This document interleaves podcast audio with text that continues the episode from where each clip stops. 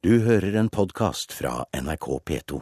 Teaterstykkene til Torbjørn Egner er for gammeldagse og lettvinte for dagens unge publikum. Det mener teaterkritiker Lisa Marie Nagel. I år er det 100 år siden Torbjørn Egner ble født. Det markeres på teatrene. Riksteatrets versjon av 'Klatremus og de andre dyrene i Hakkebakkeskogen' er bare én av svært mange egne oppsetninger i år.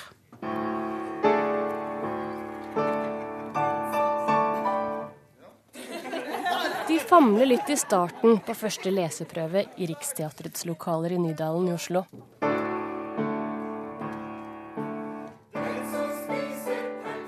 Egner ville fylt 100 år omtrent på denne tida, som det heter. Og det merkes på programmene i Teater-Norge. Kristiania Teater setter også opp Hakkebakkeskogen. I operaen kommer musikantene til byen. Nationaltheatret spiller Kardemommeby for niende gang. Og det er fire store profesjonelle Karius og Baktus-forestillinger på gang. Men på Det Norske Teatret er det egnerfri sone også i år, sier teatersjef Erik Ulfsby. Det er så mye egner. Det er egnerår nesten hvert år. Eh, så det har vært viktig for dette teatret, og er viktig for dette teatret, å heller finne fram nye stemmer som kan bli en ny Torbjørn Egner. Bortsett fra på Det Norske Teatret er Hakkebakkeskogen, Karusubaktus og Kardemommeby med jevne mellomrom på plakaten hos de proffe teaterne. Det smitter over til amatørgruppene, som også stadig velger seg Egner. Nei, jeg tenker at Man må gjerne ha Egner, men man er nødt til å ha noe annet òg. Egner er hyggelig, det er noe alle kan se, men man trenger også ting som forteller barn noe om deres egen samtid i dag. Det sier Lisa Marie Nagel, som er teaterkritiker og høyskolelektor i dramaturgi. Det er, noe, det er ikke noe trøblete stoff der, det er ikke noe som er vanskelig, som ikke lar seg løse i neste scene på en eller annen måte. Sånn at Hvis man tenker at teatret også har en kraft til å si noe sant, eller noe som, som kan bety noe for barn, så hopper man litt bukk over det i Egners fortellinger. Men å sette opp Egner er god butikk. Og det har teaterkritiker Mona Levin fått merke. Eh, bare det siste halvannet året har jeg sett eh, tre eller fire Karius Baktus. Levin tror grunnen til at Egners forestillinger dominerer barneteatermarkedet, er nettopp at publikum kjenner det igjen. Barn er konservative vesener. De liker også det de kjenner. Og foreldre som har sett masse Egner i sin oppvekst, har kanskje også et behov for å få bekreftet sine egne barndomsminner. ikke sant? Og ta med sine barn på noe som gledet foreldrene da de var små. Tilbake på første leseprøve hos Riksteatret er det tid for å prøve maskene for første gang. Teatersjef Ellen Horn skal selv ha regien på forestillingen. Hun er ikke enig i at Egner står i veien for nyere og mer relevant barneteater. Ja, jeg mener at han står ikke i veien, han baner vei for forståelsen for at det er viktig å skape klassikere, og skape nye klassikere. Og jeg tror at de temaene han tar opp, er universelle. Det handler om trygghet, det handler om omsorg for andre, kjærlighet. Eh, og det blir aldri umoderne. Reporter her, det var eh, Ina Strøm. Teaterkritiker her i NRK, Karen Frøsland Nystøyl. Hva synes du, Torbjørn Egne, er det utdatert, eller er det relevant fremdeles? Så relevant er nødvendigvis ikke, men det er heller ikke utdatert. Altså, sånn som eh, Lisa Marie Nagel sa her, så er det så er det hyggelig, og det er et godt budskap. Det er snilt. Eh, det er heller ikke utfordrende for barna å se eller farlig. Man kan si en slags overbygning hos Egner er at de store skal være snille med de små, og det kan barna godt få høre. Men Egner har ikke så mye å si for barnas samtid i dag nødvendigvis. Jeg tror ikke barnehverdagen er mindre kompleks enn den var for 60 år siden, da disse stykkene ble skrevet. Så hva er det man får da, når man går og ser et eget stykke? Man får eh, musikk, og man får, eh, man får, mye koselig, da. Man får en god opplevelse sammen. En opplevelse som handler om trygghet og snillhet, og, og som har mange gode verdier i seg. Så det er, en, det er, en, hyggelig opplevelse. Og jeg tror jo at for foreldre så er det kjekt å ta med barna i teatret og vise dem det samme som de så da de var små. Det, det, man, det, har en verdi for, eh, for, en forelder, faktisk. Og kulissene har knapt nok forandret seg? Kulissene har knapt nok forandret seg. Egner var jo en multikunstner, så han, han var jo òg eh, kunstutdanner. Så han lagde jo kulissene sjøl, og, og sto for store deler av produksjonen sjøl. Og han var nok sånn at han ønska å bevare sitt verk, han ønska å bevare sitt stempel på det. At ikke man, man skalte og valgte ikke med Egner. og og denne arven um, har etterkommerne hans da ivaretatt. Sånn at det er det er ikke alltid så stor frihet man har når man setter opp egne. For ting, hvis man ønsker å gjøre endringer, så skal de godkjennes. Eh, men eh, det er jo kanskje talende at eh, Ellen Horn sa nå i 2012 at nå opplever hun at Egner-familien gir gi større frihet til å tolke stykkene på nytt. Og, og de i Riksteatret har nye kulisser når de nå setter opp sitt store egne stykke til høsten. Hva skjer når norske teatre setter opp andre barneteaterstykker? Ja, Det er jo et vågestykke hver gang, det. For eh, er det ikke kjent, så er det ikke sikkert det selger billetter. Og greia med barneteater, er jo at, eller familieforestillinger, er jo at det gir penger i kassa hos teatrene. Sånn har det alltid vært. Og derfor er det lett å ty til klassikerne, og veldig lett å ty til Torbjørn Egner. For, eh, for Egner-pakka har jo alt med musikk og, og, mye morsomt og litt alvor under og, og, og sånne ting. Det gjør det vanskelig å lage nye klassikere. Eh, sånn som Ellen Horn nevnte, at Egner baner vei. Men jeg syns kanskje at Egner står litt i veien òg, altså for, for utviklinga av nye ting. For det finnes ikke noen som egentlig tør å satse på det. Men hva gjør man i andre land? Man setter av midler til det. Man kan jo se til Sverige f.eks. og Susanne Osten sitt eh, teaterarbeid på Unga Klara. Eh, der skriver de der, altså, Hun lager jo tragedie for barn. Hennes stykke mm, 'Jenta, mammaen og søpla' handler om en mor med en bipolar lidelse. Det kom i 1975. Har blitt spilt over hele verden. Et fantastisk stykke. Det skal jo mot til å våge å lage sånn teater for barn. Susanne Osten sier at man skal, være, man skal tale alvorlig og sant. Kunst for barn skal være alvorlig og sann. Og hun har, eh, hun har, brukt Altså, de bruker midler til det. Og de, hun har hatt referansegruppe i målgruppa, gjort research på, før hun lager stykket. Og så er det også sånn i Sverige og i Danmark òg at det er flere scener for barneteater. Flere mindre scener for barneteater.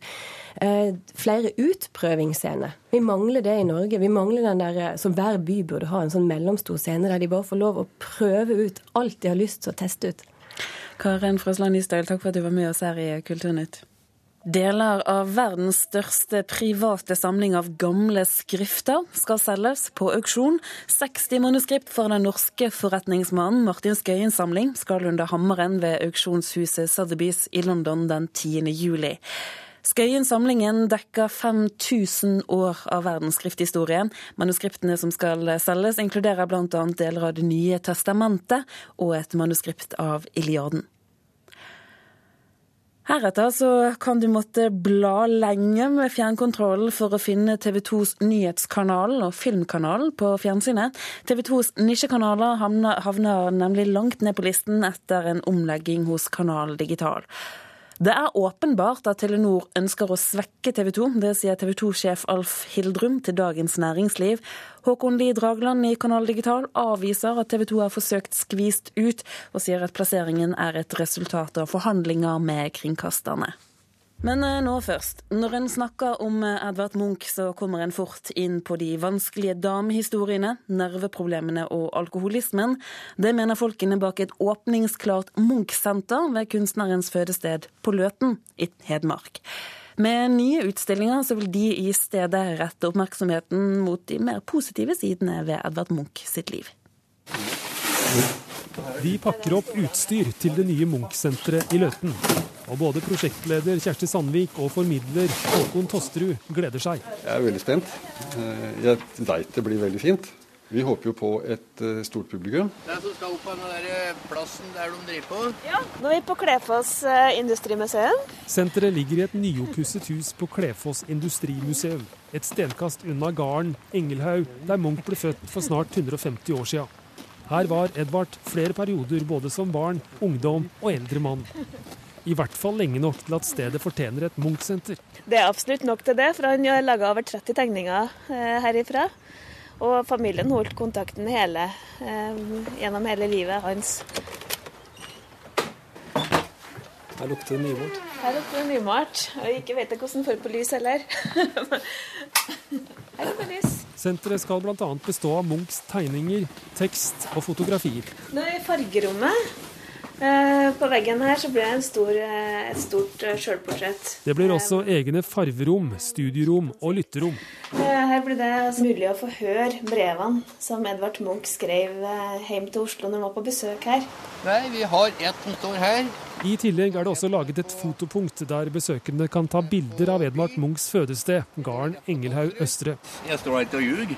Sjøl om både Oslo og Oskar Strand også skal feire Munch, mener Kjersti Sandvik og Håkon Tosterud Munch-senteret i Løten vil skille seg ut. Det vil bli helt nytt materiale. Både brevene og eh, altså den historien og det positive. Det er alltid det negative som kommer fram. De vanskelige damehistoriene og nervesammenbrudd og alkoholisme. Det er alltid det som kommer fram. Men, eh, men her viser vi en litt annen Munch, eh, som vi syns han fortjener. Da. Av hvordan Munch har satt avtrykk i Løten, og hvordan Løten har satt avtrykk i Munch.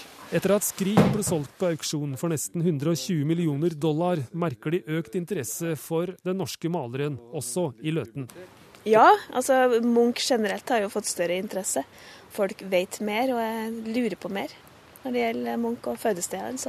Vi håper jo på et eh, stort publikum. Eh, vi håper jo at veldig mange skal komme utafra, langveisfra. Vi har hatt noen kinesiske journalister her som var helt over seg av begeistring. Eh, bare det å se eh, Østre som fødegården til Edvard Munch, så de bare slo ut med armene og var begeistra. Jeg håper det er symptomatisk for flere utenlandske turister. Vi hadde jo besøk her av noen som jobber med å selge Norge som reisemål i Frankrike, og sa jo at dette her er, går rett hjem i Frankrike. altså. The aquariums the nude are so beautiful. The daily life, well, amazing. Robert Curry fra Libanon vil besøke det nye senteret når det åpner. Absolutely. Absolutely. Feel curious to know what's happening there. Yeah, so we're waiting to, to see. Det er Løten kommune som står bak senteret og fotopunktet, som til sammen har kostet vel to millioner kroner. Så spørs det da hvor mange publikummere som kommer. 3. juni åpner i hvert fall direktøren ved Munch-museet, Stein Olav Henriksen, Munch-senteret i Løten. Det sa reporter Stein Eide.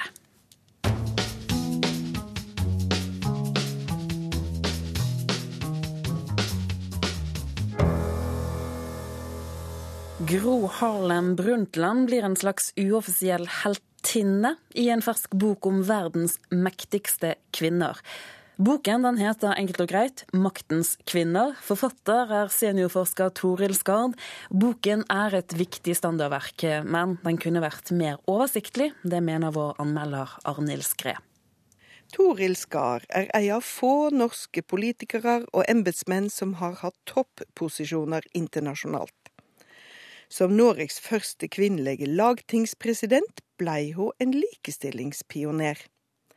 Når denne føregangspersonen også er en merittert sosiolog, er det kanskje ikke overraskende at hun som 70-åring legger vei med et forskningsprosjekt som gjelder verdens kvinner.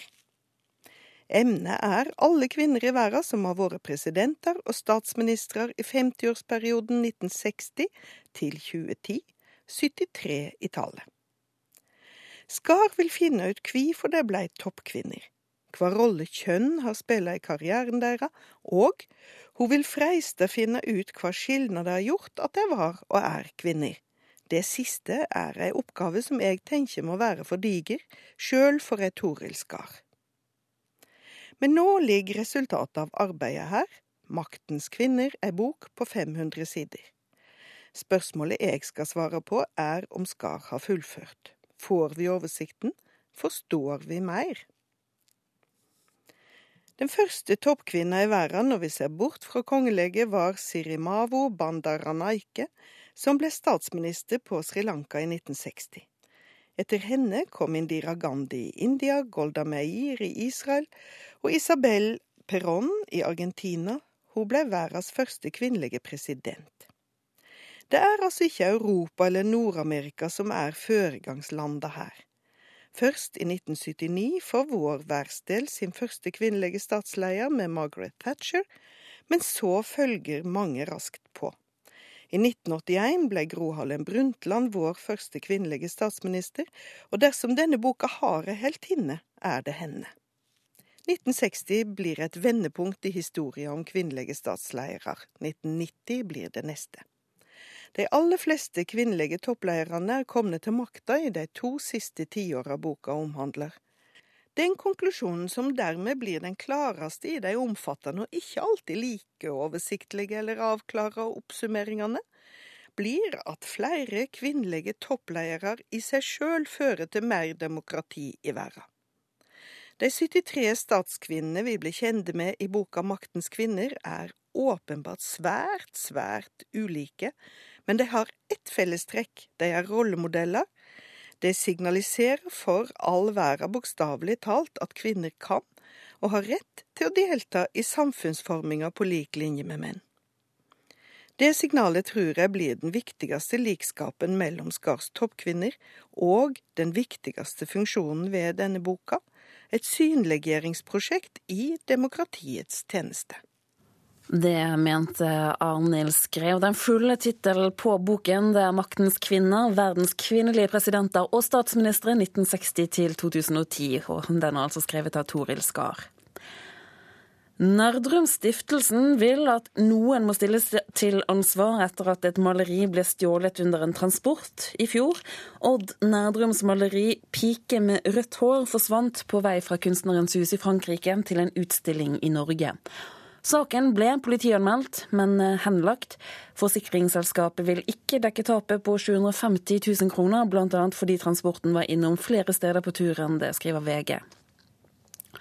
En eh, støttegruppe for eh, ofre etter atomkatastrofen i Tsjernobyl misliker skrekkfilmen 'Tsjernobyl Diaries', der eh, norske Ingrid Bolsø Berdal har en av rollene. Den amerikanske gruppen mener det er kritikkverdig at filmen gjør underholdning av tragedien. Det skriver Dagbladet. Så skal vi til Bergen, for for 60. gang så åpner Festspillet. Festspillet er et lokomotiv for hele Festival-Norge. Det mener Arve Tellefsen. Men dårlig billettsalg kan kaste skygger over noen av årets satsinger. Eh, jeg tror mange ikke har fått med seg Stefan Herheims eh, sin store opera 'Serkses'. Det er en av de største produksjonene som har vært i Grieghallen. For Silje Gripsrud, kommunikasjonssjef i Festspillene i Bergen, er det ei gåte at bergenserne ikke går mann av huset for å sikre seg billetter til Händel-operaen 'Serkses'. Der er det fremdeles en del billetter igjen, og det syns jeg er litt, eh, litt, rart, egentlig. Også de delene av programmet som er retta mot barn, selger mindre enn forventa, forteller Gripsrud. Vi har jo en stor satsing satsing på barneforestillinger i år. Og Der ser vi at eh, det er få solgte billetter i forhold til hva vi trodde, for det er noe folk har etterlyst, faktisk. Så det er synd.